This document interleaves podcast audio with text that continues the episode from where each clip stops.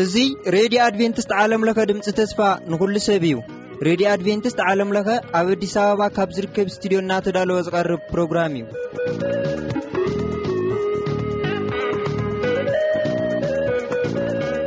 በብዘለኹም ምዃንኩም ልባውን መንፈሳውን ሰላምታና ይብጻሕኩም ንብል ካብዚ ካብ ረድዮ ኣድቨንቲስት ረድዮና። ወድኣዊ ሓቂ ዝብል ትሕዝቶ ቀዲምና ምሳና ጽንሑ።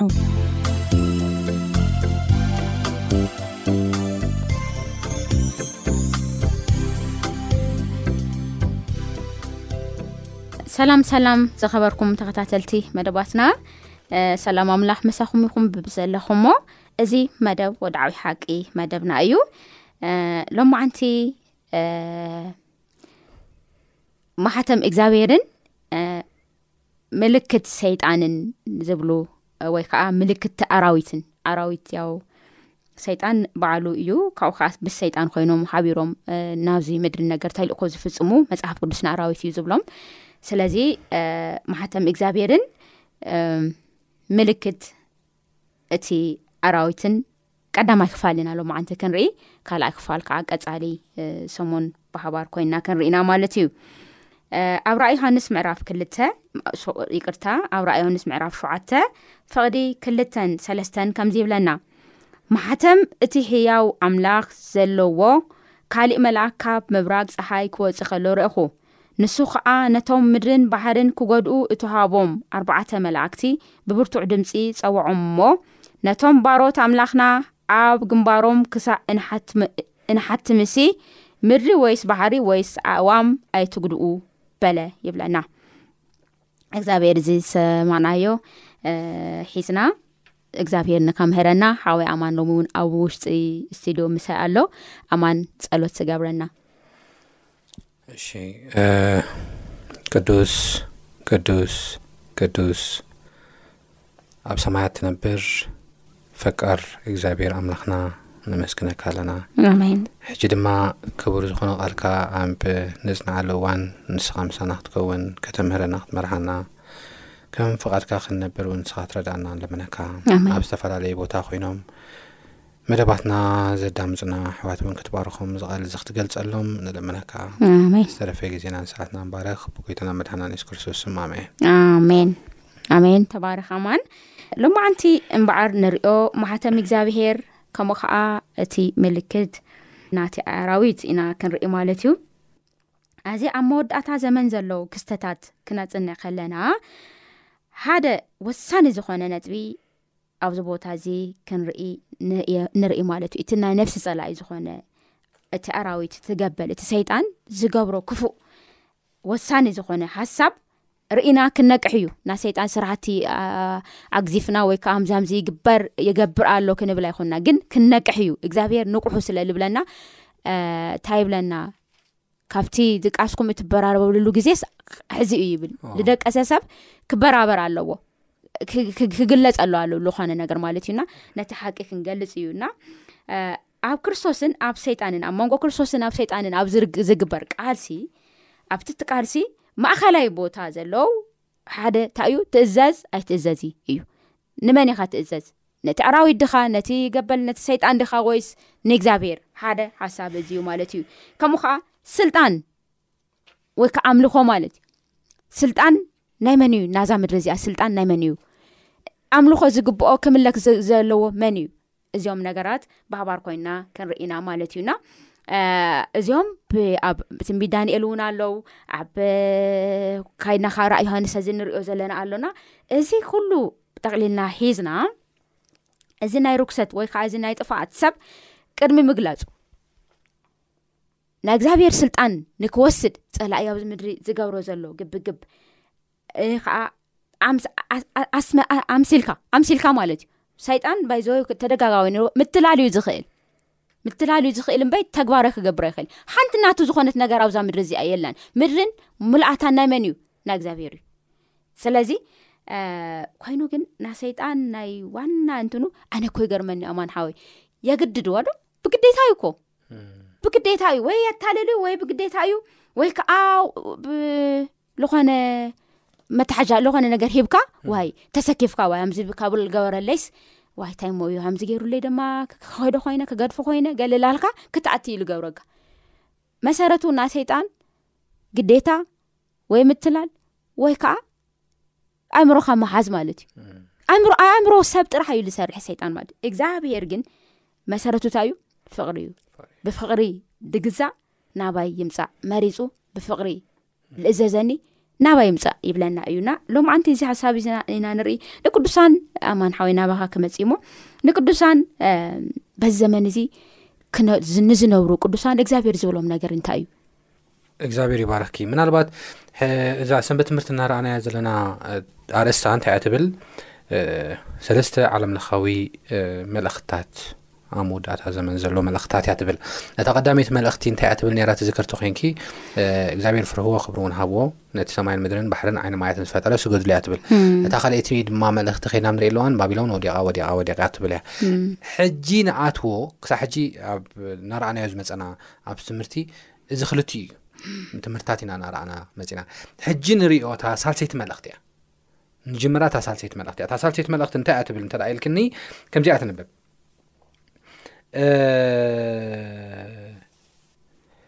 ካልእ ሳልሳይ መልኣኽ ድማ ሰዓቦም ይብለና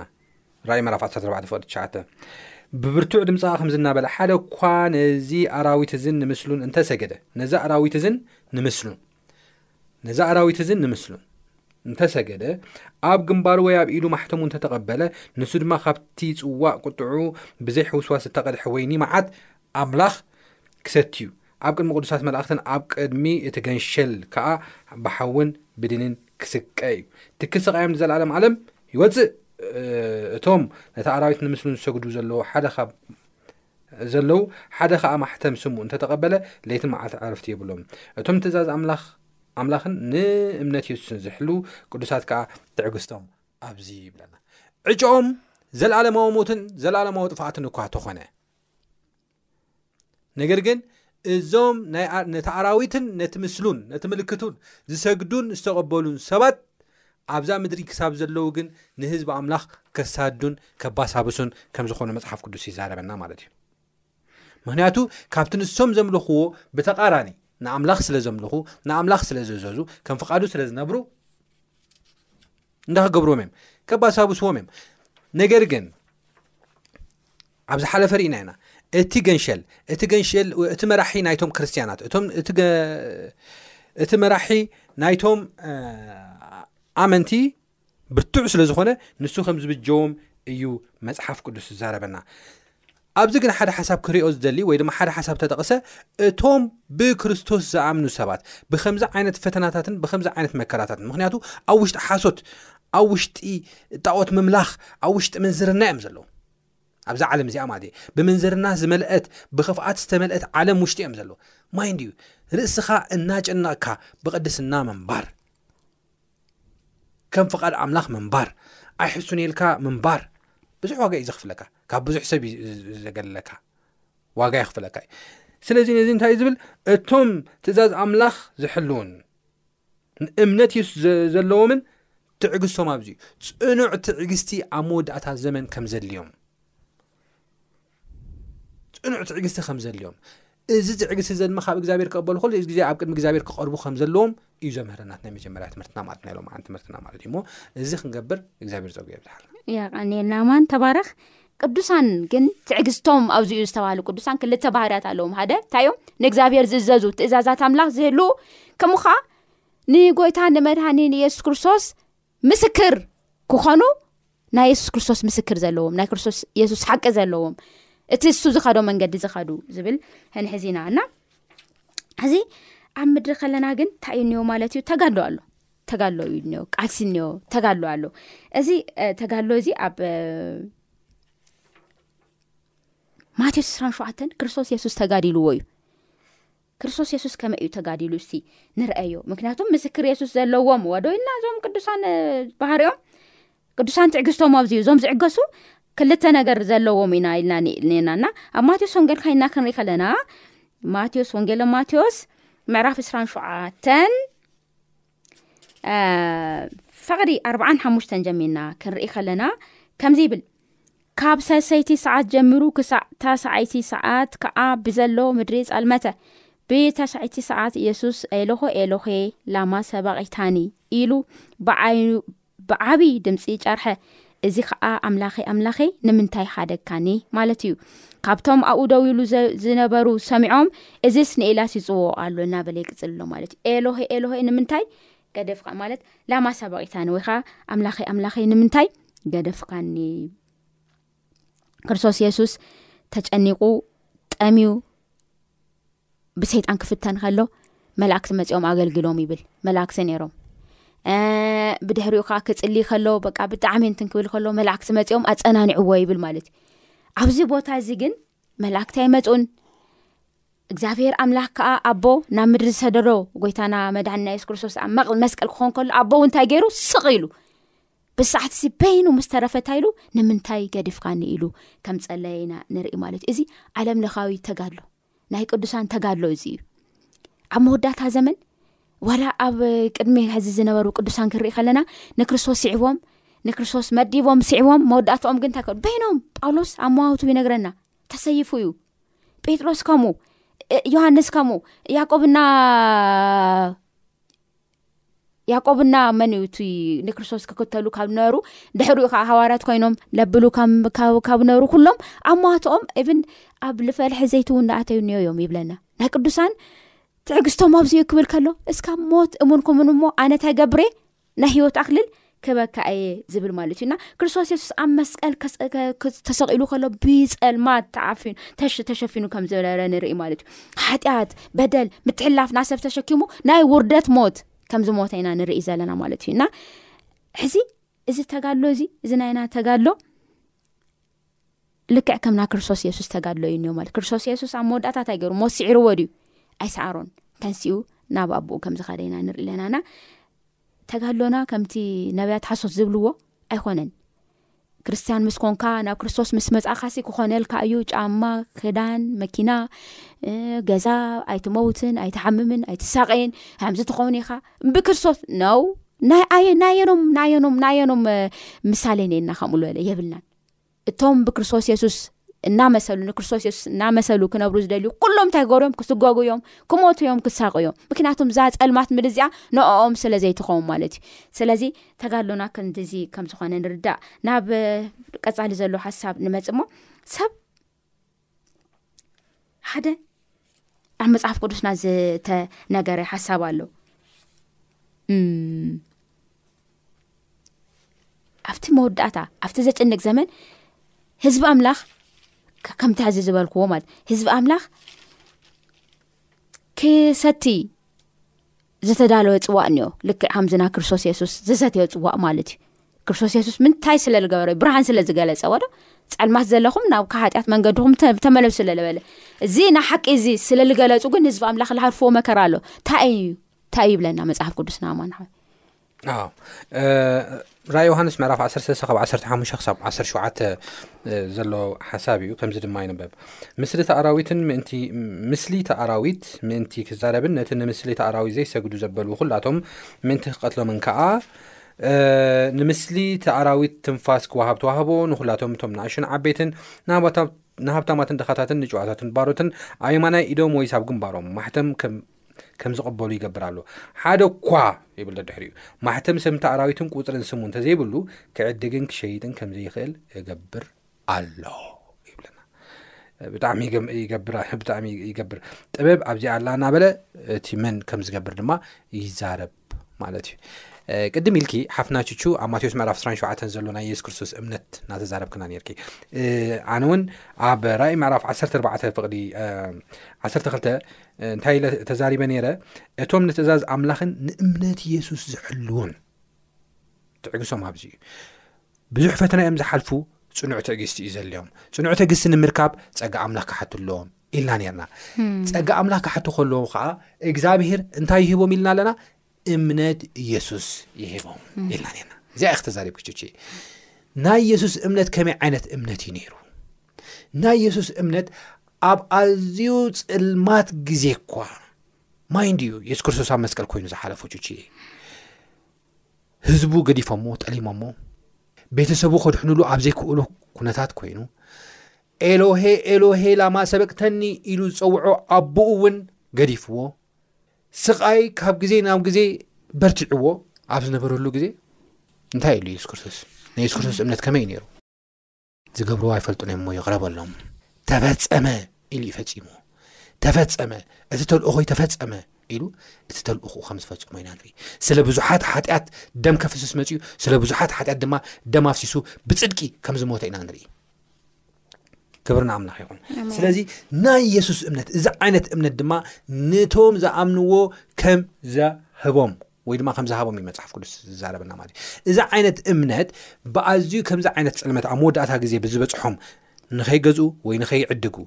ዝበፅሖም ፈተናታት ኩሉ ካብዚ ብዝተፈለየ ካልእ ፈተናታት ብዝበፅሖም ኩሉ እውን እንታይ ዝገብርሉ እዩ ጥሒሶም ንክሓልፉ ዝገብርሉ መንገዲ እዩ ማለት እዩ ብጣዕሚ ዝገርም እዩ እና ኣብ ራእይ ምዕራፍ ዓሰተ ሰፈቅድ ሓሙሽ ናይ ምግቢ ነገር ንኸይዕዱ ካብ ሰብ ክግለሉ ከም ዝገብር እዩ ዛረበና ኣነ ብዚ ሓደ ሓሳብ ከንብብ ከለኩ ት ዝብለኒ እዚ ስቃይ እዚ ኣብ መወዳእታ ግዜ ዝጅምር ኣይኮነን ገና ቀደም ካብ ኣቤል ጀሚሩ ዝገበረ እዩ ብቕኒ ስለ ዝበደልዎም ኣይኮኑን እቶም ናይ እግዚኣብሔር ሰባት ነገር ግን ብቕኒ ቃኤል ንኣቤል ቀኒኡ ከም ዝቐተሎ ኣብ መወዳእታ ዘመን ድማ ምንም ስለ ዝገበሩ ይኮኑ እቶም ናይ እግዚኣብሔር ሰባት ስለ ዝቐንኡ ንዖም ስለ ዘይመስሉ ንዖም ክግዝኡ ስለ ዘይከኣሉ ከምዚ ገይሮም ከም ዘባሳብተው እና ንርኢ ነገር ግን እግዚኣብሄር ኣብ መሳና ከም ዘሎ እግዚኣብሄር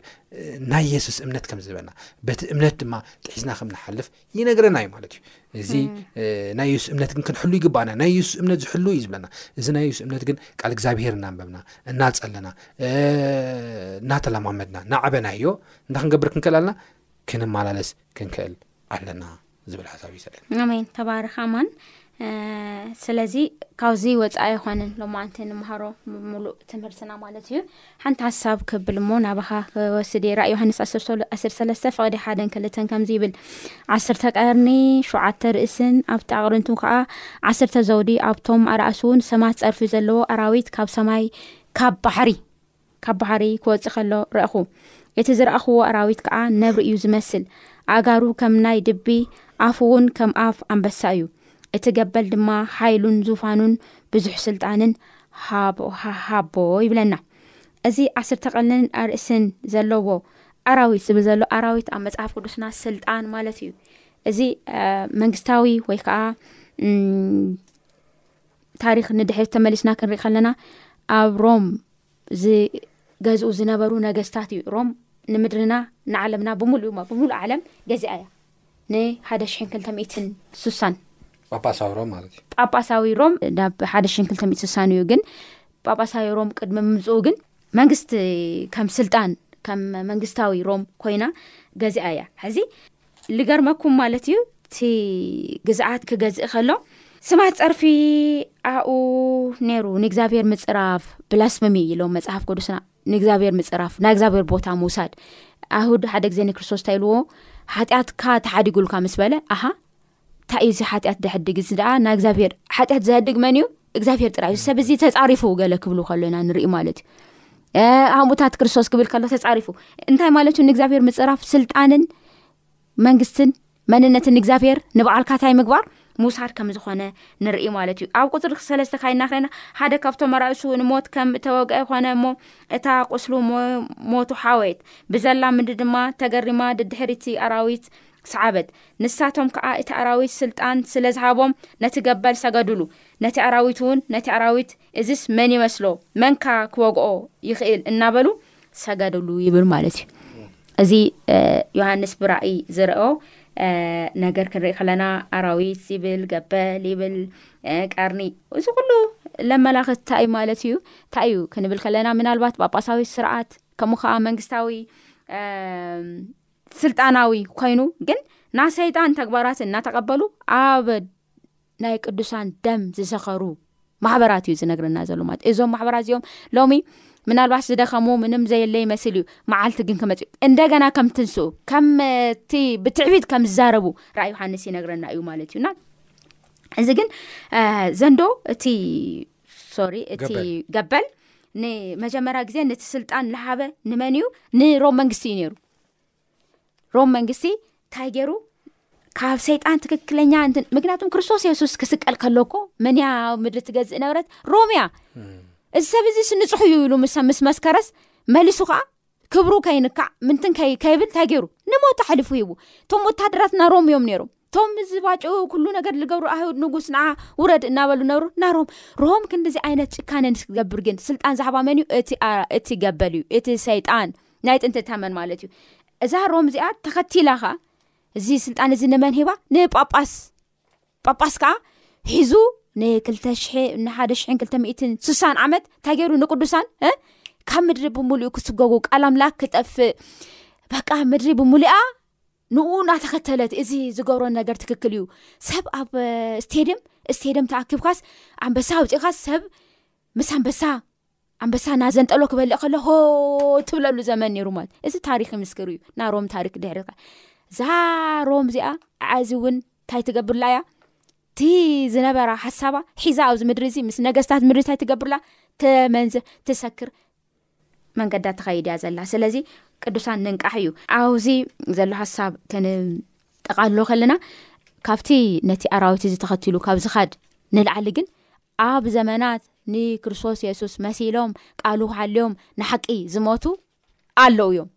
እሳቶም ከዓ እንታይ እዮም እቶም ኣባግዐይ እንታይ ገሩም ድምፀይ ክሰምዑ እዮም ዝበሎም ማለት እዩ ድምፂ ኣምላኽ ሰሚዕና እንተወፂእና በቲ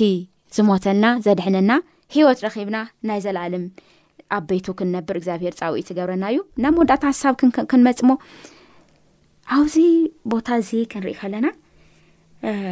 ውክልና ሰብ ንርኢ ሕዚ እኳ ኣንቢበ ነይረ ራ ዮሃንስ ዓስር ሰለስተ ማለት እዩ ከንብ ከሎ ውክልና ሰብ ኣብዚ ምድሪ ንኣምላኽ ቦታ ሒዘ እየ ኣነ እየ ዝብል ኣካል ንርኢ ግን ሓለፋ እዚ ግን ቃል ኣምላኽ እንታይ ይብለና እንታይ ይብለና ነዚ ዘፍርስ ነገር እንታይ ይነግረና መወዳእታ እዩ እሞ ጠቕልል ኣቢልካ ትብለና ሓደ ካብቲ መለለይ ናይ ባቢሎን ወይ ድማ ናይዚ ፀረ ክርስቶስ ሓደ መለለይ ዩ እንታይ እዩ ፀርፊ እዩ ፀርፊ እዩ ራይ መራፍ 1ሰለስተ ፍቕዲ ኣርባዕተ ብዝሓለፉን ራይ መራፍ ዓሸተ ከነንብብ ከለና መለለይ ዩ እዙ በቃ እንታይ ይንበብ ሓደ ካብቶም ኣርኣሱ ንሞት ከም ተወገረሞ ምስ በለ ንሳቶም ከዓ ነቲ ኣራዊት ስልጣን ሃቦ ስለ ዝሃቦ ነቲ ሰገድሉ ኣራዊት ነዚ ኣራዊት መን ይመስሎ መን ከክዋግኡ ይኽእል እናበሉ ሰገድሉ ቃል ትዕቢት ፀርፍን ዝዛረብ ኣፍ ተዋህቦ ይብለና ቃል ትዕቢት ፀርፍን ዝዛረብ ኣፍ ተዋህቦ ካብ ዝገርም ነገር መዓስ ኣብ ታሪክ ካብ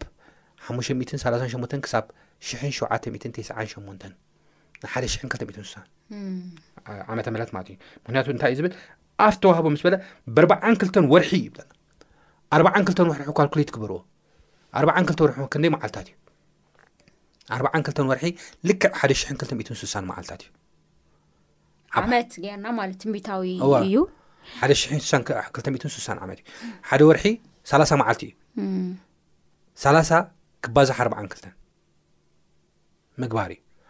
ብጣዕሚ ዝገርም ነገር እዚ ፀርፊ ተዋህቦ እዩ ዝብለና ፀርፊ እንታይ ማለት እዩ ኣብ መፅሓፍ ቅዱስ ስኢልካ እዚ ኣብ ፅርግያ ንሰምዑ ፀርፊ ይኮነን መፅሓፍ ቅዱስ ፀርፊ ክብሎ ከሎ ጸርፊ ኣብ መጽሓፍ ቅዱስ ብክልተ መልክዕ ገሊጽዎ ኣሎ ሓደ ኣብ ሉቃስ ምዕራፍ ሓሙሽተ ካብ ዓሰርተ ሸሞንተ ጀሚሩ ዘሎ ሓሳብ እዩ ጸርፊ እቲ